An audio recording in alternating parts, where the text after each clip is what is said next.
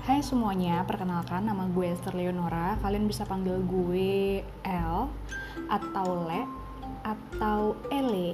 Ya di antara tiga itulah ya. Sebenarnya tuh gue um, udah punya podcast Cuma yang podcast pertama itu Gue lebih cenderung ngebahas tentang sesuatu yang rohani gitu kan.